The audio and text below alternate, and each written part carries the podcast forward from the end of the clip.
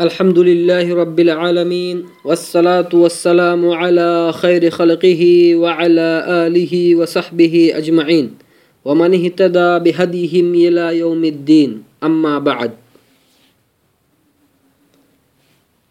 Yes सभामा उपस्थित भएका सज्जनबिन र हाम्रा साथी भाइ र दिदी बहिनीहरू म तपाईँहरूको सामुन्ने आजको यस शुभ अवसरमा हज र उम्रा एवं बकरिदको पर्वको बारेमा केही ज्ञानवर्धक कुराहरू। पेश गर्ने साहस छु आशा छ कि तपाईँहरू यसलाई ध्यानपूर्वक सुन्नुहुन्छ र यसै बमोजिम तपाईँहरू आफ्नो हज, उम्रा र बकरिदको पर्व मनाउनुहुन्छ। अल्लाहसित प्रार्थना छ कि अल्लाह हामी सबैलाई सत्य सुन्ने र बमोजिम कर्म गर्ने सु अवसर प्रदान गरून् हजको अर्थ हो यात्रा, र मक्कामा गएर मस्जिद हराममा पसेर काबाको परिक्रमा र आदि गर्नुलाई नै हज भनिन्छ। त सर्वप्रथम हामी पवित्र मक्का र मस्जिद हरामको बारेमा केही ज्ञानवर्धक कुराहरू सुनौँ। मस्जिदुल हराम मक्कामा स्थित छ, जुन अरब महाद्वीपको पश्चिमी भागमा छ। यस नगरको इस्लाममा अत्याधिक श्रेष्ठ वर्णन छ। सम्मानित काबा अर्थात् बैतुल्ला स्थित छ। जुन मुसलमानहरूको किब्ला हो, जिस जसतर्फ मुख गरी मुसलमानहरू आफ्नो नमाजको आयोजना गर्छन्। र यसबाहेक अरू विभिन्न पूजा पाठको आयोजना यसैतर्फ अनुहार गरेर गर्दै आएका छन्, जसको आदेश अल्लाहले आफ्नो भक्तहरूलाई दिएका छन् र यो यस विश्वको पहिलो मस्जिद पनि हो, किनकि जब प्रतिष्ठित सहाबी अबू जर गिफारी रज़ी अल्लाह अनहुले रसूल सल्लल्लाहु अलैहि वसल्लमसित सोध्नुभयो, हे अल्लाहको रसूल, यस धरतीको पहिलो मस्जिद चाहिँ कुन हो? त रसूल सल्लल्लाहु अलैहि वसल्लमले उत्तर दिनुभयो, मस्जिदुल हराम। अर्थात् मक्कामा बैतुल्लाहको बने को मस्जिद। यस हदिसलाई बुखारी र मुस्लिमले वर्णन गर्नुभएको छ। र मस्जिदुल हराममा पढिएको नमाजको पुण्यमा अभिवृद्धि गरिन्छ, जस्तो कि रसुल अलैहि वसल्लमको फरमान छ, मेरो यो मस्जिदमा पढिएको नमाज़, समस्त मस्जिदहरूमा पढिएको नमाज़ भन्दा एक हज़ार श्रेष्ठ छ। मस्जिदुल हराम बाहेक र मस्जिदुल हराममा पढिएको नमाज़ त्यसबाहेकका समस्त मस्जिदहरूमा पढिएको एक लामा, एक लाख नमाज़ भन्दा श्रेष्ठ छ। यस हदिसलाई सहिहु तरगिबमा अल्बानी रहमहुल्लाले वर्णन गर्नुभएको छ। र यसलाई सही पनि भन्नुभएको छ। मक्काभित्र अल्लाहले आफ्ना समस्त सृष्टिहरूमाथि वर्जित गरेका छन्।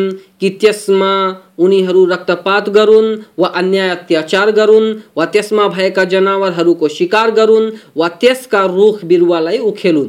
रसुल अलैहि वसल्लमको फरमान छ, निसन्देह मक्कालाई अल्लाहले हराम गरेका हुन्। कुनै मानिसले हराम गरेको होइन, तसर्थ कुनै व्यक्तिलाई यो वैध छैन, जुन अल्लाह र प्रलयको दिनमाथि आस्था राख्दछ।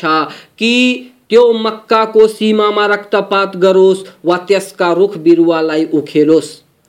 यस हदिसलाई बुखारी र मुस्लिमले आफ्ना किताबहरूमा अर्थात् बुखारी, सही बुखारी र सही मुस्लिममा वर्णन गर्नुभएको छ। जस्तो कि यो मक्का सहर अल्लाह र अल्लाहका रसुल सल्लल्लाहु अलैहि वसल्लम निकट अति प्रिय नगर पनि हो। अल्लाहले आफ्नो घरको हज यात्रा गर्नु त्यस व्यक्ति व्यक्तिमाथि अनिवार्य गरेका छन्, जुन यस कार्यको लागि सोचमा होस्, र हजको अर्थ हो अल्लाहको घरको यात्रा गर्नु हजका समस्त कार्यहरूलाई सम्पन्न गर्नुको उद्देश्यले जुन मध्ये केही मुखबाट भनिने कार्य हुन् त केही शारीरिक कार्य हुन् जसलाई रसुल्लाह अलैहि वसल्लमले स्वयं गरेर देखाएका हुन्। जसरी इहरामको लुगा लगाउनु अल्लाहको घरको सात चक्र परिक्रमा गर्नु सफ़ा मरवा पर्वत को बीच दुगुर्नु, सह्य गर्नु अरफातको चौरमा उभ्नु मिनामा जमरालाई कङ्करी हान्नु आदि। हजको समय। हजका कार्यहरू जिलहिज्जा महिनाको आठ तारिकदेखि तेह्र तारिकको बिच गरिन्छ र यो महिना इस्लामीय सम्बतको बाह्रौँ महिना हो, र हज अनिवार्य हुनुको प्रमुख र सर्वप्रथम शर्त यो हो कि हज गर्ने व्यक्ति मुसलमान, व्यस्क र सामर्थ्यवान सामर्थ्यवान होस्। र व्यस्क र सामर्थ्यवानको अर्थ हो कि मान्छे व्यस्क हुनुको साथसाथै बुद्धिमान पनि होस्। अर्थात् पागल अचेत नहोस् किनकि पागलमाथि हज अनिवार्य छैन। हजका धेरै श्रेष्ठताहरू पनि वर्णन छन्, तर केही निम्न हुन्। हज सर्वोत्कृष्ट र सर्वोत्तम कार्यहरूमध्ये एक हो, मध्ये एक हो। किनकि जब रसुल्लाह सल्लल्लाहु अलैहि वसल्लम सित सोधियो कि सर्वोत्कृष्ट कार्यहरू कुन कुन हुन् त उहाँको उत्तर थियो, अल्लाह र त्यसको सन्देष्टामाथि आस्था राख्नु अनि भनियो सोधियो यसपछि कुन कार्य हो, त उहाँले भन्नुभयो, अल्लाहको मार्गमा युद्ध गर्नु। अनि सोधियो तत्पश्चात के हो, त उहाँले भन्नुभयो, स्वीकृत हज। यस हदिसलाई पनि बुखारी र मुस्लिमले वर्णन गर्नुभएको छ। यस्तै हजको मौसम क्षमा याचनाको लागि विशाल अवसर हो। रसुल सल्लाह सल्लमको फरमान छ, जसले हज गर्छ र अनुचित कुरा र कार्यबाट बाँच्छ, त त्यो आफ्नो घर यसरी फर्केर आउँछ, जसरी आफ्नो आमाको पेटबाट पाप मुक्त जन्मेको थियो। यस हदिसलाई पनि बुखारी र मुस्लिमले वर्णन गर्नुभएको छ। यस्तै हजको मौसम नर्कबाट मुक्त हुनुको सुअवसर हो। रसुल सल्लाह वसल्लमको फरमान छ, अरफातको दिन जस्तो अधिक अल्लाह अरू कुनै दिन पनि भक्तहरूलाई नर्कबाट मुक्ति प्रदान गर्दैन। यस हदिसलाई मुस्लिमले वर्णन गर्नुभएको छ। यस्तै हजको प्रतिफल स्वर्ग हो। रसुल सल्लाह वसल्लमको फरमान छ स्वीकृत हजको प्रतिफल स्वर्ग बाहेक केही होइन। यस हदिसलाई पनि बुखारी र मुस्लिमले वर्णन गर्नुभएको छ, हाम्रो समाज र स्वयं हाम्रो लागि हजमा विशाल र महान उद्देश्यहरू छन्। यसै कारण, जब अल्लाहले हामीमाथि अनिवार्य गरेको हदिय बलिको वर्णन गरेको छ जसलाई हाजी मान्छे कुर्बानीको दिन अल्लाहको निकटता प्राप्तिको लागि बलि गर्छ त भनेको छ लैयनालल्लाह लुहुमुहा वला दिमाउहा वलाकिन यनालुहु तक्वा मिनकुम। अर्थात् कुर्बानीको मासु अल्लाह छेउ पुग्दैन, न त उनीहरूको रकत, अबितु उसलाई त तिम्रो हृदयको धर्मपरायणता मात्र पुग्दछ। सुरतुल हज, श्लोक नम्बर सैतिस। रसुल सल्लाह वसलमको फरमान छ, बैतुल्लाहको परिक्रमा, सफ़ा मरवा बीच दोगुर्नु, र कङ्करी हान्नुलाई अल्लाहले मात्र आफ्नो सतुति गर्नुको लागि अनिवार्य गरेको छ। यस हदिसलाई अबु दाउदले रिवायत गर्नुभएको छ। र हजका उद्देश्यहरूमध्ये केही अरू निम्न पनि हुन्। अल्लाहको लागि पूर्णतः नतमस्तक हुनु किनकि हाजी सिङ्गार र रमाउने कुराहरूबाट बाँच्छ र एहरामको सेतो लुगा लगाएको हुन्छ। जुन यो जाहेर गर्छ कि त्यो अल्लाहको मुखापेक्षी छ र त्यो सांसारिक लोभ लालसाबाट मुक्त छ। जुन त्यसलाई अल्लाहको निकटताबाट टाढा लाग्ने सामग्रीहरू हुन्, अनि त्यो आफ्नो मालिकको कृपा, दया र क्षमाको अधिकारी भइहाल्छ। अनि अर्फातको चौरमा आफ्नो पालनहारको सामुन्य नतमस्तक भई त्यसले त्यसमाथि गरेको अनुकम्पा र उदार अनुग्रहको आभार प्रकट गर्दछ र आफ्नो पापको क्षमाको लागि रोई रोई याचना पनि गर्दछ यस्तै मान्छे हज गरेर दुई प्रकारले अल्लाहको कृतज्ञता प्रकट गर्दछ। प्रथम, अल्लाहले त्यसलाई प्रदान गरेको सम्पत्तिबाट कृतज्ञता प्रकट गर्दछ र दोस्रो, अल्लाहले प्रदान गरेको स्वस्थ शरीरबाट त्यसको आभार प्रकट गर्दछ। र यी दुवै कुरा पूर्ण विश्वका ती महान र सर्वोत्तम अनुग्रहहरू अनुग्रहहरू मध्येका हुन्, जुन सांसारिक जीवनको लागि अति आवश्यक छन्। र जुन त्यसलाई अल्लाहद्वारा प्रदान गरिएका गरेका छन् त मान्छे हजको माध्यमले यी दुवै अनुकम्पा पाएकोमा आफ्नो पालनकर्ताको कृतज्ञतालाई प्रकट गर्नुलाई दर्शाउँदछ र यो यसरी कि मान्छे आफ्नो शरीरले हजका समस्त कार्यहरूलाई गर्नुमा परिश्रम गर्छ र आफ्नो माललाई हजको लागि खर्च गरेर आफ्नो पालनकर्ताको निकटताको अभिलाषी हुन्छ। र त्यसको आदेशको अनुपालन गर्छ। र यस कुरामा कुनै सन्देह छैन कि अनुग्रहमाथि आभार प्रकट गर्नु स्वाभाविक कुरो हो, जसलाई हाम्रो आत्मा र हृदय पनि स्वीकार्दछ र धर्महरूका विधान अनुकूल पनि छ। यस्तै हजको अवसरमा विश्वका समस्त कुना काप्चाबाट मुसलमानहरू मक्कामा भेला हुन्छन् अनि एक अर्कासित परिचय प्राप्त गर्छन् र एक अर्कासित स्नेह र प्रेमको आदान प्रदान गर्दछन्। अनि रङ्ग नसलको, गोत्र वंशको समृद्धता र असमृद्धता, गरिबको भाषा, भाषीको भिन्नता र भेदभावको अन्त्य भइहाल्छ। र मुसलमानहरू एउटै समूह र सम्प्रदाय हुन्, यो कुरो सिद्ध हुन्छ। यस महान र विशाल मानवताको सभामा, अर्थात् अरफातको चौरमा, जसरी कि सहाबाहरूको एकमत भएको थियो। भलाइ र अल्लाहको तकवामाथि र सत्कर्मको निमन्त्रण र कुकर्मबाट रोक्नुमाथि यस हजका उद्देश्य विशाल र महान छन्, जुन सांसारिक जीवनको स्रोतलाई आकाशको साधनबाट जोड्दछन् संलग्न गर्दछन्। यस्तै हज मुसलमानलाई पर्लेको दिनलाई सम्झनु सम्झना गराउँछ, र यो यसरी कि जब त्यो दैनिक लगाउने लुगालाई फुकाली एहरामको सेतो लुगा लगाएर तलबिया पुकार्दछ, र अर्फातको चौरमा उभ्छ, र समस्त मान्छेहरूलाई उसै जस्तो लुगा लगाएको हेर्दछ, त त्यस समय त्यसको हृदयमा ती सबै घटनाहरूको चित्रण सुदर्शित हुन्छन्, जुन त्यसमाथि मृत्यु पश्चात घटित हुनेवाला छ त त्यो अल्लाहसित त्यसबाट मुक्ति पाउने याचना गर्छ र त्यसको लागि सांसारिक जीवनमा नै तयारी गर्न थाल्छ। यसअघि कि त्यो आफ्नो पालनकर्ता अगाडि मरणोपरान्त उभोस्। यस्तै हजको माध्यमले हामी अल्लाहको एकेश्वरत्वलाई दर्शाउँछौँ र त्यसैको लागि आफ्ना समस्त क्रियाकलाप, पूजा आराधना विशेष गर्छौँ। किनकि हजका समस्त कार्यहरू एकेश्वरवादमा निर्भर छन्, जसरी कि निम्नको तलबिया जसलाई हाजी प्रत्येक समय जाप गर्छ। लब्बैक, अल्लाहुम्मा लब्बैक लब्बैक ला शरीक लक लब्बैक। इन्नल हम्दा व निअमत लक, वल मुल्क ला शरीक लक। यसर्थ हजका प्रत्येक कार्य र कुराबाट मात्र एकेश्वरवादको नै बोध हुन्छ उम्रा गर्ने तरिका। उम्रा हो अल्लाहको पूजा गर्नु एहराम लगाएर काबाको परिक्रमा गरेर सफ़ा मरवाको सही गरेर टाउकोलाई खौराए वा त्यसलाई कटाएर र यो सूक्ष्म र सामर्थ्यवान मान्छेमाथि पूर्ण जीवनमा मात्र एक पटक अनिवार्य छ। तर कैयौँ पटक गर्नु उत्तम र सुन्नत हो। र साल भरी यसको आयोजना गर्नु जायज़ छ। र रमजानको महिनामा यसको पुण्यमा अभिवृद्धि पनि गरिन्छ, जस्तो कि रसुल सल्लाह वसलमको फरमान छ। रमजानमा गरिएको, उम्राको पुण्य हजको बराबर हुन्छ। यस हदिसलाई बुखारी र मुस्लिमले वर्णन गर्नुभएको छ। एहराम, जब व्यक्ति उम्रा गर्ने इच्छा गरोस् त त्यसको लागि अनिवार्य छ कि त्यो आफ्नो लुगालाई फुकाली, यस प्रकार स्नान गरोस्, जसरी सहवास पश्चात गर्छ।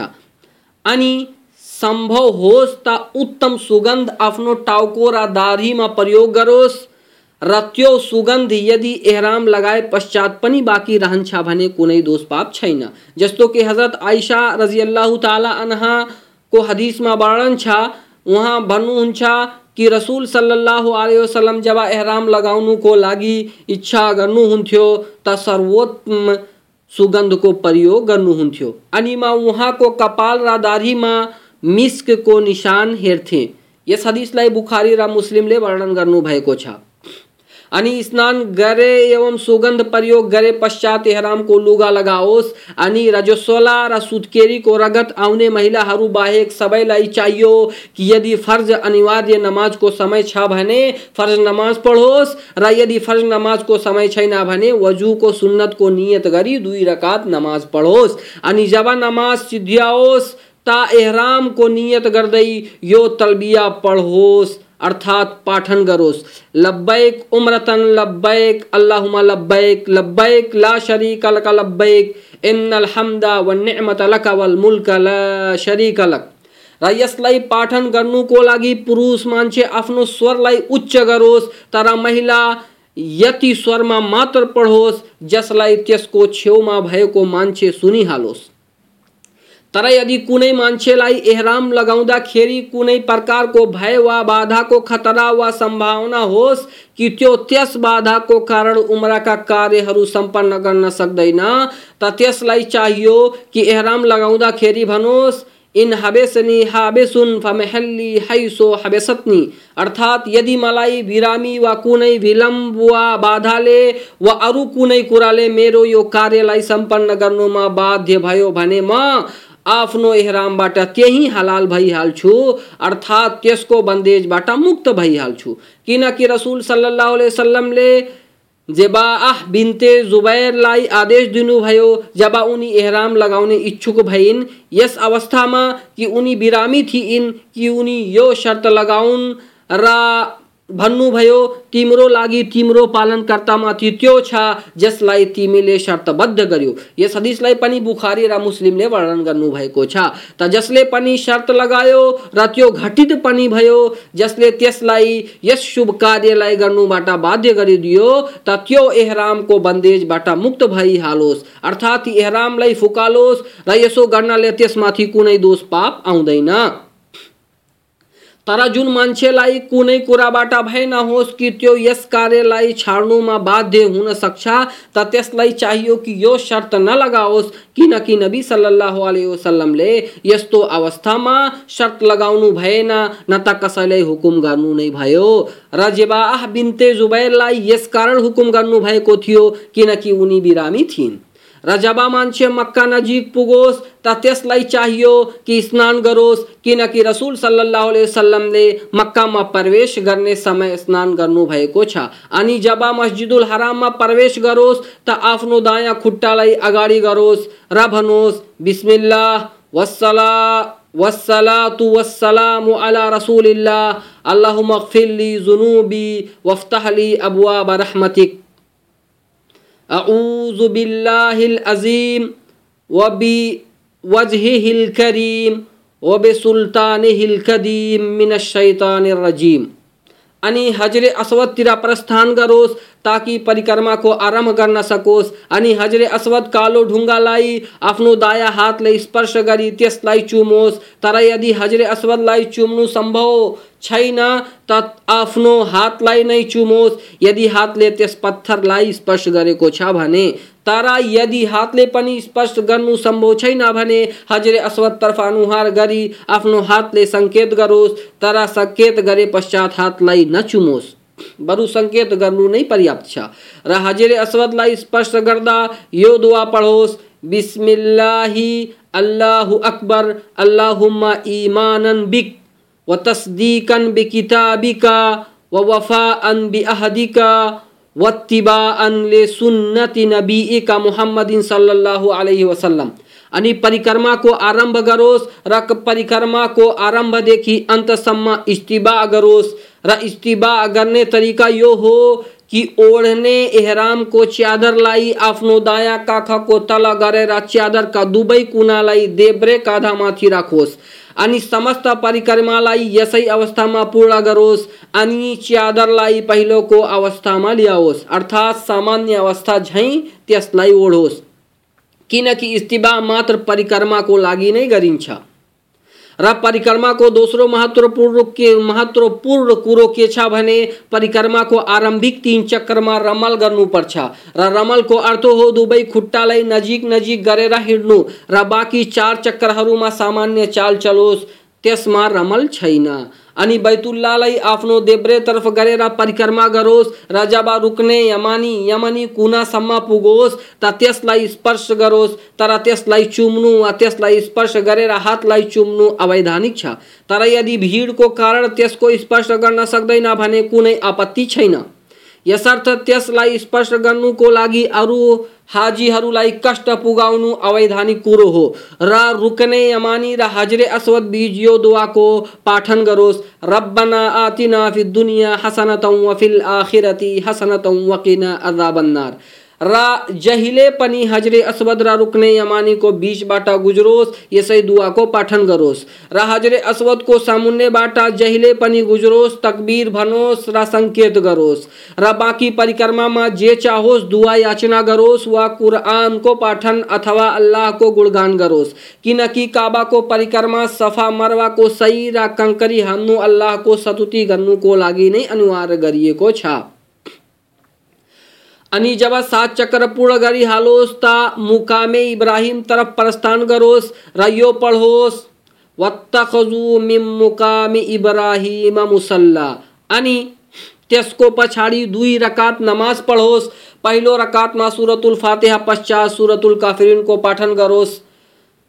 र रकात रकातमा सूरतुल फातिहा, पश्चात सूरतुल इखलास को पाठन करोस। अनि जब दुई रकात पढेर समाप्त गरोस् त हजरे अस्वतसम्म आओस् र यदि सम्भव होस्, त त्यसलाई स्पर्श गरोस् अनि मसा सही गर्ने ठाउँ तरफ़ लागोस्। र जब सफ़ा नजिक भइहालोस् त यो दुवा पढोस्। इन सफ़ा वल मरवत मिन शायरिल्ला अनि सफ़ा पर्वतमाथि यति चढोस् कि काबाको दर्शन हुन सकोस्। अनि आफ्नो अनुहार काबातिर गरेर दुवै हातलाई उठाएर जे चाहोस् दुवा गरोस्। र रसुल सल्लल्लाहु अलैहि वसल्लम त्यहाँ निम्नको दुवा गर्दथे। ला इलाहा इल्लल्लाहु वहदहु ला शरीका लहु, लहुल मुल्क व लहुल हम्दु व हुवा अला कुल्लि शैइन कदीर। ला इलाहा इल्लल्लाहु वहदहु अंजजा वअदहु व नसरा अबदहु। यस दुआलाई तीन चोटी पढोस् र यस बीच जे चाहोस् याचना गरोस्। अनि सफ़ा पर्वतबाट झरोस्, र मरवा पर्वततर्फ हिँड्दै जाओस्। र जब सङ्केत हरियो बत्ती सम्म पुगोस्, त जब सङ्केतक हरियो बत्ती सम्म पुगोस्, त क्षमता अनुसार दुग्रोस्। तर कसैलाई कष्ट पुग्ने खालको दुग्राई नहोस् र हदिसमा वर्णन छ कि रसुल सल्लाह वसल्लम यस ठाउँमा यस्तो दौड लगाउँथे कि तपाईँको गोली गाठे हेरिन्थ्यो, र तपाईँको एहरामको च्यादर पिडौलामाथि आई चक्ररक्त हुन्थ्यो।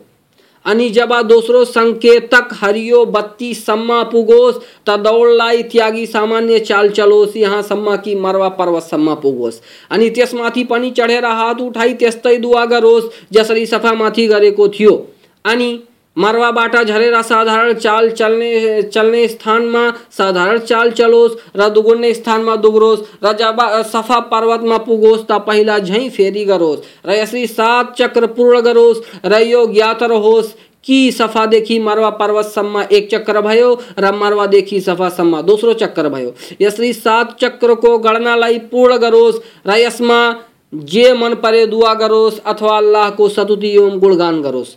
अनि जब सात चक्र पूर्ण गरिहालोस्, त आफ्नो टाउको खौराओस्। यदि उम्रा गर्ने मान्छे पुरुष हो, तर यदि महिला हो भने एक औलाको पोर टुप्पो बराबर कपाललाई काटोस् र टाउको खौराउनुको लागि यो अनिवार्य छ कि समस्त कपाललाई फालोस् र यस्तै जुन मान्छे कपाललाई नखौराइकन कटाउँछ, त्यसको लागि पनि अनिवार्य छ कि समस्त कपाललाई कटाओस्। र कपाल कटाउनुभन्दा खौराउनु उत्कृष्ट र उत्तम छ, किनकि रसुल सल्लाह अलैहि वसल्लमले टाउको खौराउनेहरूको लागि तिन पटक दुवा गर्नुभएको छ।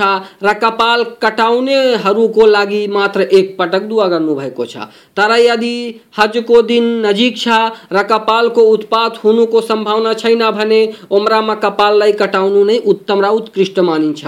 ताकि हजमा टाउको खौराओस् र को प्रमाण हो नबी सल्लल्लाहु को अंतिम हज में आफ्नो साथीहरूलाई आदेश गर्नु। कि उनीहरू उमरामा आफ्ना कपाललाई कटाउन्, किनकि उनीहरू जिलहिज्जाको चौथो को दिन बिहान मक्का पुगेका थिए। त उपरोक्तमा वर्णन गरिएका सम्पन्न गरे पश्चात उम्रा पूर्ण भयो। यसर्थ उम्राको संक्षिप्त संक्षिप्त अर्थ हो, एहराम परिक्रमा सफ़ा मरवाको सही कपाल खौराउनु वा फाल्नु अनि मान्छे एहरामको बन्देजबाट पूर्ण रूप रूपले मुक्त भइहाल्छ र त्यो जे चाहोस् त्यो सबै गर्न सक्छ, जुन साधारण लुगा लगाएको अवस्थामा गर्न सक्छ। जसरी सुगन्धको प्रयोग गर्नु, आफ्नो स्वास्नीसित सहवास गर्नु आदि। यो थियो लागि केही महत्त्वपूर्ण ज्ञानवर्धक कुराहरू। अब जुन हाम्रा दिदीभाइ र हाम्रा साथीहरूलाई अल्लाहले हज गर्ने अवसर प्रदान गरेका छैनन् र उनीहरू हज गर्ने आशा राखेका छन् र हजको आशा राखी आ आफ्ना मुलुकहरूमा त्यसको प्रतीक्षा गरिराखेछन्। तिनीहरूको लागि म बकरिदको बारेमा केही ज्ञानवर्धक कुरा भन्ने आँट गर्दछु। अब हेर्नुहोस् बकरिदको कल्याणकारी पर्व हामीहरूले कसरी मनाउनु पर्छ। बकरिदको पर्व इस्लामीय पर्व हो जसलाई हज नगर्ने मुसलमान व्यक्तिहरू बलि गरेर मनाउँछन्। यो यस्तो दिन हो, जसमा अल्लाहका भक्तहरू आफ्नो खुसी र प्रसन्नतालाई सुदर्शित गर्छन् र अल्लाहको पूजालाई सफलतापूर्व सम्पन्न गर्छन् र त्यसको त्यस अनुकम्पाको आभार प्रकट गर्छन् जुन अल्लाहले उनीहरूमाथि गरेको छ। र उनीहरूलाई अल्लाहले सुमार्गमा लगाएर यस पूजाको सु अवसर प्रदान गरेको छ। र यस पर्वमा राम्रो र नयाँ लुगा लगाएर प्रसन्नता दर्शाउनु, वैधानिक र स्वाभाविक कुरो हो, र अरूलाई खुस गर्नु अति उत्तम कार्य हो। यसर्थ गरिबहरूको सहायता गरी र वैधानिक सामग्रीहरूद्वारा प्रसन्नतालाई दर्शाउनु, र अरूलाई रमाउनु, र अल्लाहको अनुकम्पामाथि कृतज्ञता प्रकट गर्नु, वैधानिक कुरो हो। अल्लाहको कृतज्ञता यस पर्वमा बलि गरेर, गरिन्छ, यो गर्नु अति उत्तम र रमाइलो कुरो हो। मुसलमानहरू बकरिदको दिन कुर्बानीको आयोजना गर्छन्, मात्र अल्लाहको कृतज्ञता प्रकट गर्नुको लागि। यदि कुनै मान्छे बलि गर्छ, कुर्बानीको दिन बलि गर्छ, कुर्बानी गर्छ, देखाउनको लागि वा अरू कुनै सांसारिक लोभ लालसाको लागि, त्यसको त्यो बलि अल्लाह स्वीकार गर्दैनन्। बकरिदको रात्रि र ईदगाह खेरी तकबीर भन्दै रहनु वैधानिक कुरो हो। र यसको समय बकरिदको नमाजको लागि उभिनु बित्तिकै समाप्त हुन्छ र तकबिरका शब्दहरू निम्न हुन्, अल्लाह अकबर अल्लाह अकबर, ला इलाहा इल्लल्लाह, अल्लाह अकबर अल्लाह अकबर, वलिल्लाहिल हम्द। र भनोस्, अल्लाह अकबर कबीरा, वल्हम्दुलिल्लाहि कसीरा, व सुबहान अल्लाह बुकरतम व असीला। बकरीद को नमाज़। बकरीद को नमाज़ त्यो नमाज़ हो? जसको लागि इस्लामले विशेष रूपले ताकेदा गरेको छ। र मुसलमान महिला, बच्चा र वृद्धहरू समेतलाई यसको लागि घरबाट निक्लेर ईदको नमा यस ईद को नमाज़ पढ्ने ठाउँमा जानुको लागि उत्साहित गरेको छ। र यस नमाजको पढ्ने समय हो एक भाला बराबर जति सूर्योदय भएर उच्च भय पश्चात यसको समयको आरंभ हुन्छ। र सूर्य ढल्ने समयसम्म इसको समय बाकी रह तर इसमें जल्दी गर्नु अति उत्तम मानिन्छ। बकरीद को नमाज़ पढ़ने तरीका। बकरीद को नमाज़, ईद जस्तै दुई रकात छ, जसमा इमाम आफ्नो पाठनलाई ठुलो स्वरमा उच्च गरेर पढ्छ र नमाज़ पश्चात दुईवटा खुतबा दिन्छ र बकरिदको नमाजमा नमाजको आरम्भमा तकबिरहरूको वृद्धि गर्नु वैधानिक कुरो हो। यसर्थ, पहिलो रकातमा पाठन सुरु गर्नु अघि छवटा तकबिरहरूको छवटा तकबिरहरूको वृद्धि गर्नुपर्ने छ। नमाजलाई आरंभ गर्ने तकबिर, तकबिरतुल एहराम बाहेक। अनि सुरतुल फातिहाको पाठन गरेर कुरानबाट जे सम्भव होस् त्यसको पाठन गर्नुपर्छ अनि रुकु र ढोक गरेर पहिलो रकात पूर्ण गर्नुपर्छ र दोस्रो रकातमा पाँच तकबिरको वृद्धि गर्नुपर्छ ढोकबाट उठ्दा भनेको तकबिर बाहेक। अनि सुरतुल फातिहा पश्चात जे कुरानबाट सम्भव होस्, त्यसको पा, पाठन गर्नुपर्छ र रुकु सिजदा अर्थात् ढोग र तशहुद गरेर सलाम फेर्दै नमाजलाई सम्पन्न गर्नुपर्छ यो थियो कुर्बानीको बारेमा अति संक्षेपमा वर्णन अब म अन्तमा अल्लाहसित यो दुआ गर्दछौँ कि हे अल्लाह हामी सबै मुसलमानहरूलाई आफ्नो घर देखाऊ आफ्नो घरको परिक्रमा गराऊ आफ्नो घरसम्म यात्रा गर्ने सुअवसर प्रदान गर। हे अल्लाह, हामी सबैलाई हज गर्ने सुअवसर प्रदान गर। हे अल्लाह, जुन हाम्रा मुसलमान भाइहरू र दिदी बहिनीहरू त्यहाँ अर्फातको मैदानमा पुगेको छन्, तिनीहरूलाई माफ़ गरिदेऊ, उनीहरूको दोषलाई मुक्त गरिदेऊ। हे अल्लाह हामी सबैलाई स्वर्ग प्रदान गर हे अल्लाह, हाम्रा ती भाइहरू, जुन मात्र तिम्रो मुखापेक्षी छन्, जुन मात्र तिम्रो, जुन मात्र तिम्रो प्रसन्नता पाउनको लागि आफ्नो माललाई खर्च गरेर तिम्रो पवित्र मक्का, तिम्रो पवित्र बैतुल्लाहसम्म पुगेका छन् र तिमीले निर्धारित गरेको अर्फातको चौरमा पुगेको छन्। उनीहरूलाई स्वर्ग प्रदान गर, उनीहरूलाई पाप मुक्त गरिदेऊ। हे अल्लाह, हामी तिमीसित बिन्ती गर्दैछौँ। हाम्रो यस बिन्तीलाई कबुल गर। आमिन।